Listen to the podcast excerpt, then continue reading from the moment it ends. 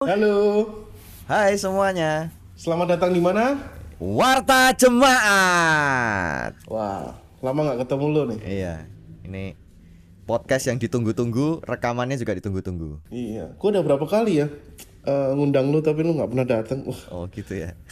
udah berasa kayak Deddy Kobusier ya. Cuman botaknya aja kurang lah. Jadi Oh, iya. jadi korupsi nggak keriting bro. Eh, eh, I've known you for a very long Hai. time. Mangan telo ngomong bahasa dari? Inggris. makan lu makan singkongnya gaya lu. Eh, ya, lagi berduka nih bro. Wah, berduka apa? Ya, kondisi negara ini Oh. bencana di mana-mana. Oh. Habis ini kita ngomentarin Mbak Yu berarti ya. Iya, samain ya. Eh bisa loh, tapi nanti kapan-kapan kita ngobrolin tentang ramalan loh. Iya, Iya kan? makanya banyak banyak Indonesia berduka, ada yang ramal-ramal. Katanya lagi ini kan bencananya juga anu ya empat empat elemen ya katanya. Oh iya. Air, angin, tanah, sama api katanya. Oh, logam nggak ya logam? Logam mulia lagi naik. Oh. Logam siapa tahu ini hujan linggis. Iya, iya, iya. Ya, tapi ya emang lagi bencana cuman ya gimana ya? PSBB diperpanjang lagi nih. Iya, kan udah bukan PSBB namanya. Apa? PKPM apa? Apa ini? Pembatasan Oh, kegiatan masyarakat. Anu ya, Indonesia ini banyak banget akronim ya. Iya. Hobinya ciptain istilah-istilah baru ya. Betul. Cuman per, anu, cuman tetap naik terus ya. Percuma kan ganti nama cuma orang-orangnya itu-itu lagi kan. iya. Kayaknya namanya istilahnya gonta-ganti cuman Covid-nya naik terus nih. Kabarnya keluarga keluarga lu juga ada yang kena nih. ya. Iya, makanya sekarang sekarang udah semakin mendekat ke ring-ring satunya kita sebenarnya. Gua sih nggak tahu ya lu. Tapi seperti kayaknya sih kita udah udah masuk ke orang-orang yang kita kenal. Iya, gereja lu katanya sempat anu banyak juga yang kena. Atau sempat Iya, ada ditutup. ada beberapa lah, bukan banyak, ada beberapa. Kalau banyak kan kesannya um, wah banyak banget gitu. Ada beberapa lah. bukan bukan klaster tapi ya. Bukan, belum, belum, belum. Tapi kalau kita lihat di ini ya grup-grup WA kita bias mestinya udah banyak yang ini juga loh, udah banyak yang ngeluh juga loh. Waduh, gua positif nih. Di grup WA WA lo ada nggak? Ada. Jadi emang ya sempat menimbulkan keresahan sih karena ya ternyata si ini kena, si itu kena, si ini kena dan secara nggak sengaja kita pernah bersinggungan gitu. loh. Oh, Jadi ya sekarang kerjaannya ngitung hari terus. Oh, 10 hari, oh kurang 4 hari lagi gua harus sehat, gua harus sehat gitu kan. keresahannya tuh karena sebelum dia positif udah ketemu sama lu gitu ya. Iya. nggak, nggak tahu sih sebelum positif atau waktu itu sudah positif cuman dalam rangka mungkin dalam rangka dua minggu ke belakang kalau kita tarik kita sempat ketemu gitu kan Makanya deg-degannya kan gitu kan. badan yang dari sehat badan yang dari sehat tiba-tiba jadi kayak kerasa kerongkongan gatel gitu Ti- tiba-tiba kesedak makanan jadi kayak ketakutan juga gitu kan Iya, aduh. Ini Terus sakit karena gitu ya. debu jadi ketakutan juga gitu kan iya Wah, emang penyakit emang nih nah kabarnya nih gereja-gereja juga ada banyak yang kena nih padahal banyak gereja yang bahkan mungkin nggak ada pertemuan fisik ya Hmm, hmm, hmm. ya ibadahnya nggak ada sih cuman meeting-meetingnya sama rekamannya masih ketemu fisik ya mungkin ya Iya, iya. Makanya sekarang ini kayaknya lebih banyak juga gereja yang udah terinfeksi gitu loh. Banyak pelayan dan jemaatnya yang udah terinfeksi. Kalau dulu kan kayaknya kita oh ya gereja ini, gereja itu, tapi kayaknya gerejanya masih jauh gitu buat sebagian dari kita. Kalau sekarang kayaknya sudah hampir ham, menurut gua ya hampir semua gereja lah ada jemaatnya atau atau pelayannya yang sudah terinfeksi. kayaknya emang nggak ada ya gereja yang nggak ada sama sekali zero case gitu kayaknya nggak ada ya Mek? ya tak tahu sih Kayaknya sekarang ud- udah kecil kemungkinan sih. eh ada kayaknya Apa? Ada gereja mungkin yang kemarin apa suku suku Baduy itu kalau ada gerejanya Oh. katanya zero case kan itu. Itu jangankan case-nya ya, dites aja enggak mungkin di situ, Bro. lu nggak tahu kan? Kan sekarang kalau misalnya zero case itu kan ada dua kemungkinan emang emang nggak ada yang sakit atau nggak ada yang dites. Ya gitu sih. Nah terus menurut lo gimana nih? Apa yang seharusnya gereja lakukan nih dalam dalam dalam apa ya era 2021 ini di mana ya kita udah nggak bisa enak-enakan lagi. Nganggap ini semua cuman di luar lingkup gereja dan sebagainya. Menurut menurut gua loh ya ini udah waktunya buat kita gereja hadir untuk jemaat ya untuk pelayannya atau betul untuk betul. anggota apalagi anggotanya. sekarang ini kalau kita baca-baca ya eh, fasilitas kesehatan udah mulai banyak yang ngeluh juga kan udah banyak yang ngomong penuh beberapa bahkan kemarin gua ngeliat di berita gitu kan dan ya dari pengalaman beberapa orang yang gua kenal sebagian udah mesti nunggu di IGD Nah, dan di IGD pun katanya sampai nggak ada kasurnya, duduk mereka. Iya, iya, iya. Iya, makanya beberapa kalau kita lihat berita kan sampai mereka mesti duduk di UGD karena udah saking penuhnya. Nah, di sini menurut gue memang betul peran gereja mulai dibutuhkan. Sementara di gereja gedungnya gedungnya gedungnya gede kosong ya. Nah, iya. Kan lucu kan? Gereja gedungnya gede tapi kosong. Yang Kursinya panjang-panjang biasanya loh, bisa buat tiduran mereka. betul sekali. Iya, ya. Jadi seharusnya gereja hadir ya. Menurut gua sih sudah saatnya gereja untuk menurut hadir. gue ya, harus lebih berperan lagi ya, nggak cuma sekedar melindungi apa yang ada di di ibadahnya dan sebagainya. Menurut gue sih emang yang pertama gereja mungkin harus berperan serta dalam mencegah. Betul. Nah, kalau selama ini mungkin ada beberapa gereja yang mungkin tingkat pencegahannya sudah baik kayaknya. Mungkin itu pun masih terja terjadi ada yang positif. Betul, betul, betul. Contohnya ada beberapa gereja yang memang menerapkan bahwa kalau eh, lu mau pelayanan, lu harus tes dulu. Hmm. Itu pun variatif, ada yang rapid, ada yang sampai swab, Hmm, hmm. ada yang mandiri di laboratorium atau ada yang gerejanya menyediakan sebelum masuk sudah ada tim medis yang tes, Hmm, ada ruang tunggunya dulu. Tapi ada juga gereja-gereja yang cuman ya yang penting eh, 3M lah, mencuci tangan, memakai masker, menjaga Jaga jarak ya juga ada gitu. Iya, iya, iya. Ya, yang penting. Ya. Ada juga yang seperti itu. Dan ya itu menurut gue sih emang yang ketat pun masih sempat kelolosan gimana yang nggak ketat. Menurut gue ya ini menurut lu sih ya gue sempat dengar dari lu katanya ya emang itu cepat atau lambat ya mungkin akan akan kelolosan gitu kan Iya. karena kita nggak nggak akan tahu jangan cuma jadi pemadam kebakaran kalau udah ada yang kena terus baru ditas tes tas tes tas tes gitu Betul. kan cuman kadang gereja cuman apa ya cuman kasih kasih screening itu untuk orang-orang yang mau ngadain acara pernikahan kayak dan sebagainya harus tes dan sebagainya. Cuman untuk yang di dalam gereja sendiri yang mau melayani malah nggak diperhatiin. Makanya ya lu main-main aja lah. Anggapannya kok kayaknya seolah-olah gini ya Mac ya. Seolah-olah orang yang mau pelayanan di gereja ini pasti kesuciannya mengalahkan virus covid gitu loh. Jadi mereka Ya, nggak betul. mungkin lah mereka kena yang penting jaga jarak. Ya kan? Kayaknya luar biasa banget gitu kan. Gue kira apa emang kita ini kebal ya? Karena mungkin kuasa doa tapi ternyata enggak. kuasa doa dianggap sudah cukup ya kan?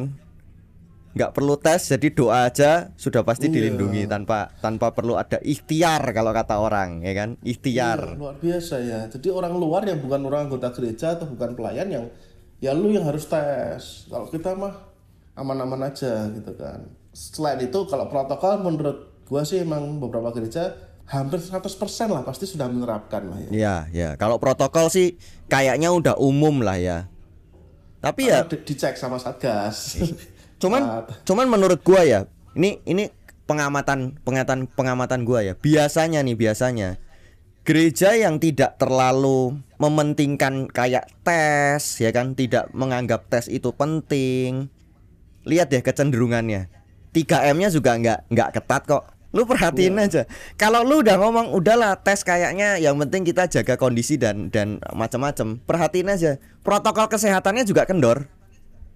Karena ini sebenarnya satu rangkaian. Lu kita sudah menganggap bahwa oke, em, gua dengan begisi, begini saja sebenarnya bisa. Itu kan basic pemikirannya. Kenapa misalnya ada mungkin ada beberapa gereja yang menganggap bahwa udahlah nggak perlulah kita kita tes tesan lah. Toh maksudnya dengan dengan dengan menjaga jarak dengan uh, mencuci tangan menjaga kesehatan sudah cukup gitu loh. Memang kan nggak ada gejala. Betul. Masalahnya ya OTG OTG ini kan memang malah banyaknya di anak-anak muda kan di tempat-tempat pelayanan anak muda ini yang sebenarnya OTG-nya berbahaya. Dan gereja juga harus meminimalisir kerumunan ya. Betul ya pertama kan meminimalisir kerumunan sudah pasti ya kan? Terus uh, karena banyak gereja yang nggak nggak cuma ibadahnya yang online. Hmm? maksudnya nggak cuma ibadahnya yang online cuman kegiatan-kegiatan lainnya masih berkerumun mereka sebenarnya. Betul. Meeting lah apalah dengan alasan jaga jarak nggak pakai AC dan sebagainya cuman kan sama aja. Benar benar. Nah itu itu yang gue bilang. Kalau gereja itu sudah dalam tanda kutip sedikit melonggarkan masalah contoh paling gampang masalah tes kok gue perhatiin sebenarnya prokesnya juga protokol kesehatannya juga biasanya kendor nggak ya. terus yang protokol kesehatannya kuat terus akan bilang bahwa nggak perlu tes menurut gue nggak biasanya sih kayak begitu kecenderungannya Iya. Nah, tapi ini dengan mencegah, hmm. ini kan banyak hal yang terjadi bikin ribet dan ujung-ujungnya bisa jadi banyak orang mungkin secara tidak sengaja pelayanannya mungkin ditangguhkan hmm. Hmm. atau ya mereka jadi nggak bisa pelayanan hmm. karena dibuat online lah, ditiadakan lah dan sebagainya. Nah ini kadang yang bikin geger banyak orang katanya mereka mau melayani kok malah dihalang-halangi. Hmm. hmm. Nggak asik dong kalau semuanya dibikin model online nggak bagus dong nah itu menurut lu gimana sebenarnya penting pelayanan atau penting menjaga kesehatan sekarang ini kalau menurut gua ya prinsip pertamanya adalah memelihara kehidupan pelayanan paling pertama itu kan yang Tuhan perintahkan ke kita bukan melayani di gereja tapi memelihara bumi ini kan berkuasalah dan pelihara bumi iya. ini artinya prinsip pertamanya adalah memelihara kehidupan apa pun pelayanan kita semua merefer ke memelihara kehidupan atau tidak termasuk kehidupan kita sendiri. Yes. Jadi kalau misalnya lu pelayanan tapi akhirnya e, membahayakan kehidupan, kehidupan orang lain dan kehidupan lu sendiri, menurut gua memang perlu dipertanyakan motivasi pelayanannya apa. Dan menurut gua pelayanan nggak pelayanan menurut gua yang paling penting kan sebenarnya adalah melayani itu kan nggak harus selalu apa yang kelihatan ya mungkin ya dengan banyak hal yang kita bisa layani dia dalam keseharian kita dan yang lebih penting kan sebenarnya selain menjaga kehidupan ya kan Tuhan kita ini kan sebenarnya menekankan pentingnya adalah relasi kan Betul. relasi kita dengan Tuhan nggak harus dibangun dengan kita melayani di panggung lah kita melayani apa yang biasa kita layani cuman dalam kesendirian kita dalam keseharian kita mm -hmm. kita menyediakan waktu nggak sih buat Tuhan betul atau memang waktu-waktu kita ini cuma kita sediain untuk memuaskan ego kita yang kita atas namakan pelayanan. Betul. Jadi sebenarnya kita nggak melayani. Tuhan tapi melayani diri sendiri kan? Iya. Justru apa ya nilai baik di COVID ini kan justru kita emang ditarik dari semua kesibukan kita baik yang pelayanan atau nggak pelayanan kita disuruh duduk diam tidak ngapa-ngapain dan hanya bersekutu. Betul kalau kita dari dulu sering ngeluh kita nggak ada waktu nih nggak ada waktu nah sekarang waktu banyak mm-hmm. lu pakai itu nggak buat lu membangun hubungan untuk bersekutu dengan Tuhan lu pakai itu nggak buat lu berdoa buat lu baca kitab buat lu berdiam nyoba mendengarkan suara Tuhan mm-hmm. lu pakai itu enggak atau lu resah karena lu nggak bisa melayani lu nggak bisa mengekspresikan diri. Betul. Padahal memang kondisinya nggak bisa nggak memungkinkan. Ya. Akhirnya dipaksa dan akhirnya akan berulang-ulang terjadi lingkaran setan yang sama gitu kan. Iya tuh. Nah setelah mencegah nih mungkin yang kedua adalah kita juga enggak eh, berhenti di mencegah. Nah menurut gue ini yang gereja-gereja banyak hanya berhenti di mencegah. Seperti yang lu omongin di awal sebenarnya kita sudah harus mulai melapangkan tangan kita mengulurkan tangan kita untuk mulai ikut terlibat dalam pengobatan pasien COVID iya Bener nggak sih, Betul. Contohnya yang tadi kita singgung ya, kayak ekstrimnya nih, kursi-kursinya kan gereja kan panjang-panjang nih. Ya. Kalau gereja-gereja lama kan mungkin bisa dijadiin tempat tidur. Betul. Atau dijadiin shelter. Betul. Karena gini ya, ini kalau mungkin buat temen-temen yang ada keluarganya atau pernah berhubungan dengan penyakit ini, mungkin sudah tahu lah bahwa penyakit ini punya dampak sosial yang cukup besar dampak sosialnya itu bukan di maksudnya dijauhin orang ya tapi setelah orang yang sakit itu perlu isolasi, ya kan? Hubungannya sama shelter adalah ternyata ruang isolasi mandiri itu tidak semudah itu carinya.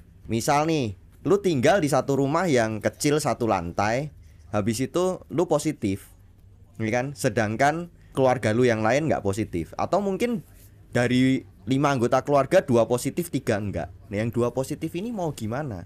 mau tinggal serumah juga yang tiga ini berdebar-debar yang dua juga takut nularin walaupun mungkin bisa dibilang ya udah di kamar aja tapi ini satu lantai mungkin ru rumahnya juga tidak seideal itu untuk dijadikan tempat isolasi ya kan nah ini kan menurut gua ya di saat ada tempat lain yang berjubel penuh ada satu tempat lain yang kosong dan menurut gua sangat bisa beberapa gereja mungkin iya. gereja-gereja lama yang ruangannya banyak bisa dialih fungsikan sementara gitu loh untuk jadi jadi shelter, jadi tempat isolasi mandiri. Yes, benar.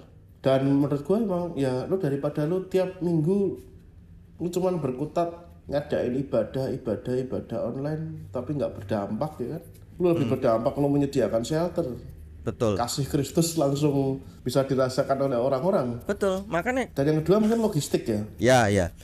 Memang lo makanan itu barang kan orang susah ya Ya, makanya kan gini, ke, uh, betapa susahnya orang yang tinggal isolasi mandiri, ya kan? Apalagi mungkin kalau misalnya serumah cuma bertiga, ya kan? Dua sudah positif dan harus diungsikan ke tempat lain, yang satu di rumah sendirian. Nah, bayangkan orang gitu gimana logistiknya? Mungkin kita hmm. bisa ngomong, wah tapi kan kalau sekarang nih ya, kalau ada orang yang positif kayak gitu, tetangga tetangganya bantuin loh. Iya, berarti tetangganya jauh lebih peduli daripada gereja loh. Iya. Ya kan? Gereja cuman bisa WA gimana kabarnya tetangga lain sudah kasih makanan loh. Iya. Terus fungsinya gereja ini apa? Makanya sedang rumah Tuhan kok kayak nggak peduli gitu kan? Makanya itu gua juga bingung ketika orang bilang, "Waduh, jangan dong. Kalau misalnya nanti dihentikan kayak tadi lu bilang, pelayanannya gimana?" Men, di saat Covid seperti ini banyak tempat pelayanan lain yang jauh lebih membutuhkan daripada kita cuman dan tangguh cuman ya cuman melayani ibadah gitu loh. Ada orang-orang yang sudah sangat membutuhkan. Betapa repotnya orang yang sudah positif covid harus memikirkan bagaimana keluarganya harus hidup apalagi kalau ternyata dia ini adalah pencari nafkah ya kan bukan orang yang gajian kalau satu hari dia nggak keluar gimana cara pemikirannya dia harus diisolasi 14 hari itu kan bener-bener membuat sebuah keluarga bisa bisa stres gitu loh. Yes. Menurut gua di situlah harusnya gereja hadir. Kalau gua andaikan ya, mungkin kalau Tuhan Yesus hidup di zaman yang sekarang nih, mungkin dia bakalan jadi pemimpin gereja, dia akan oke, gereja seluruh gereja di negara ini yang berdiri atas dasar nama saya, ibadahnya saya tutup dulu semua. Mari datang semua, Betul. jadikan gedung yang besar ini sebagai shelter, tempat perlindungan segala makanan, segala pengobatan akan kami tanggung semua. Betul. Kalau peduli betul. ibadah dulu. Betul. Ibadah bisa di diadakan secara lebih sederhana, tidak perlu menggunakan gedung gereja. Tapi yang penting adalah kesehatan kalian, kebutuhan kalian, kita hadir, kita ada buat kalian. Betul. Itu sih menurut gua. Itu tadi kata-kata yang kata -kata bagus apa? banget tuh. Tempat perlindungan itu. Iya. Maksudnya di saat seperti ini ya, di saat seperti ini, orang itu kan ketakutan pertanyaannya adalah apakah gereja sudah bisa menjadi jawaban sebagai tempat perlindungan? Bener tuh kata-katanya tuh. Tempat berlindung. Ya. Nah, gereja gereja cuma buat itu. Tempat ngadain ibadah online. Tempat syuting. Studio. Iya, iya. Ya. Yang hanya dipakai satu hari gitu ya rekaman ya, ya. atau live gitu. Habis itu ya. hari berikutnya kosong. Nah, buat ngedit video buat anu ngedit sound nah setelah selain shelter selain logistik mungkin yang paling penting adalah dukungan secara moral ada nggak ya. sih tim-tim yang siap bergerak untuk mendoakan untuk mendeteksi mana yang terkena gejala mana yang merasa kesepian. Nah memang susah sih kalau gereja nggak punya komunitas yang bisa menjaring yang memang susah. Hmm. cuman at least ada tim mungkin tim gerak cepat atau gimana yang mendukung secara moral. Memastikan kebutuhan mereka menguatkan secara rohani, menguatkan secara uh, apa namanya uh, ya rohani ya menguatkan secara rohani, memberikan uh, dukungan bahkan mungkin sampai dengan memberikan chat secara pribadi ke orang-orang menguatkan mereka membuat mereka sabar dan percaya bahwa Tuhan selalu ada Tuhan selalu menyertai. Itu kan penting ya menurut gua ya. Betul betul jadi secara moral secara tempat perlindungan shelter dan secara logistik gereja harus hadir di tiga hal ini menurut gua sih. Ya. Dan kehadiran gereja itu penting sekali sih menurut gua di masa-masa seperti sekarang bahkan kadang-kadang kalau perlu secara ekstrim kehadiran secara fisik. Maksud gua kehadiran secara fisik kan begini. Eh kita bisa dari jauh kan sebenarnya. Ya kan? Karena eh, mental orang yang sakit covid itu ada yang beberapa merasa seperti dijauhi loh. Orang-orang ini nih pasien-pasien pasien-pasien covid ini ada beberapa yang merasa seperti akhirnya ketika dia declare makanya kan banyak orang kenapa nggak berani ngomong kalau dia positif covid? Karena takut dijauhi kan? Nah mental mereka Iya. ini sudah mental aduh gua sakit. Dia bisa mikir bahwa aduh gua nanti kalau meninggal gimana? Sekarang ditambah lagi dia harus berpikir bahwa orang-orang akan menjauhi dia. Nah menurutku memang betul sekali bahwa kehadiran gereja sangat dibutuhkan untuk membuat eh, menguatkan lah menguatkan orang ini bahwa eh, lu nggak sendiri. Ada orang-orang yang masih berani untuk melayani lu dan membantu lu. Berani lo ya di zaman sekarang bukan cuma sekedar Yes. mau ya Eh, lu mau bantuin nggak? Oke, gua mau bantu. Siapa yang berani kirim ke rumahnya? Ntar ada aja alasannya, ya kan? Karena sekarang juga benar. bukan cuman masalah mau, tapi masalah keberanian.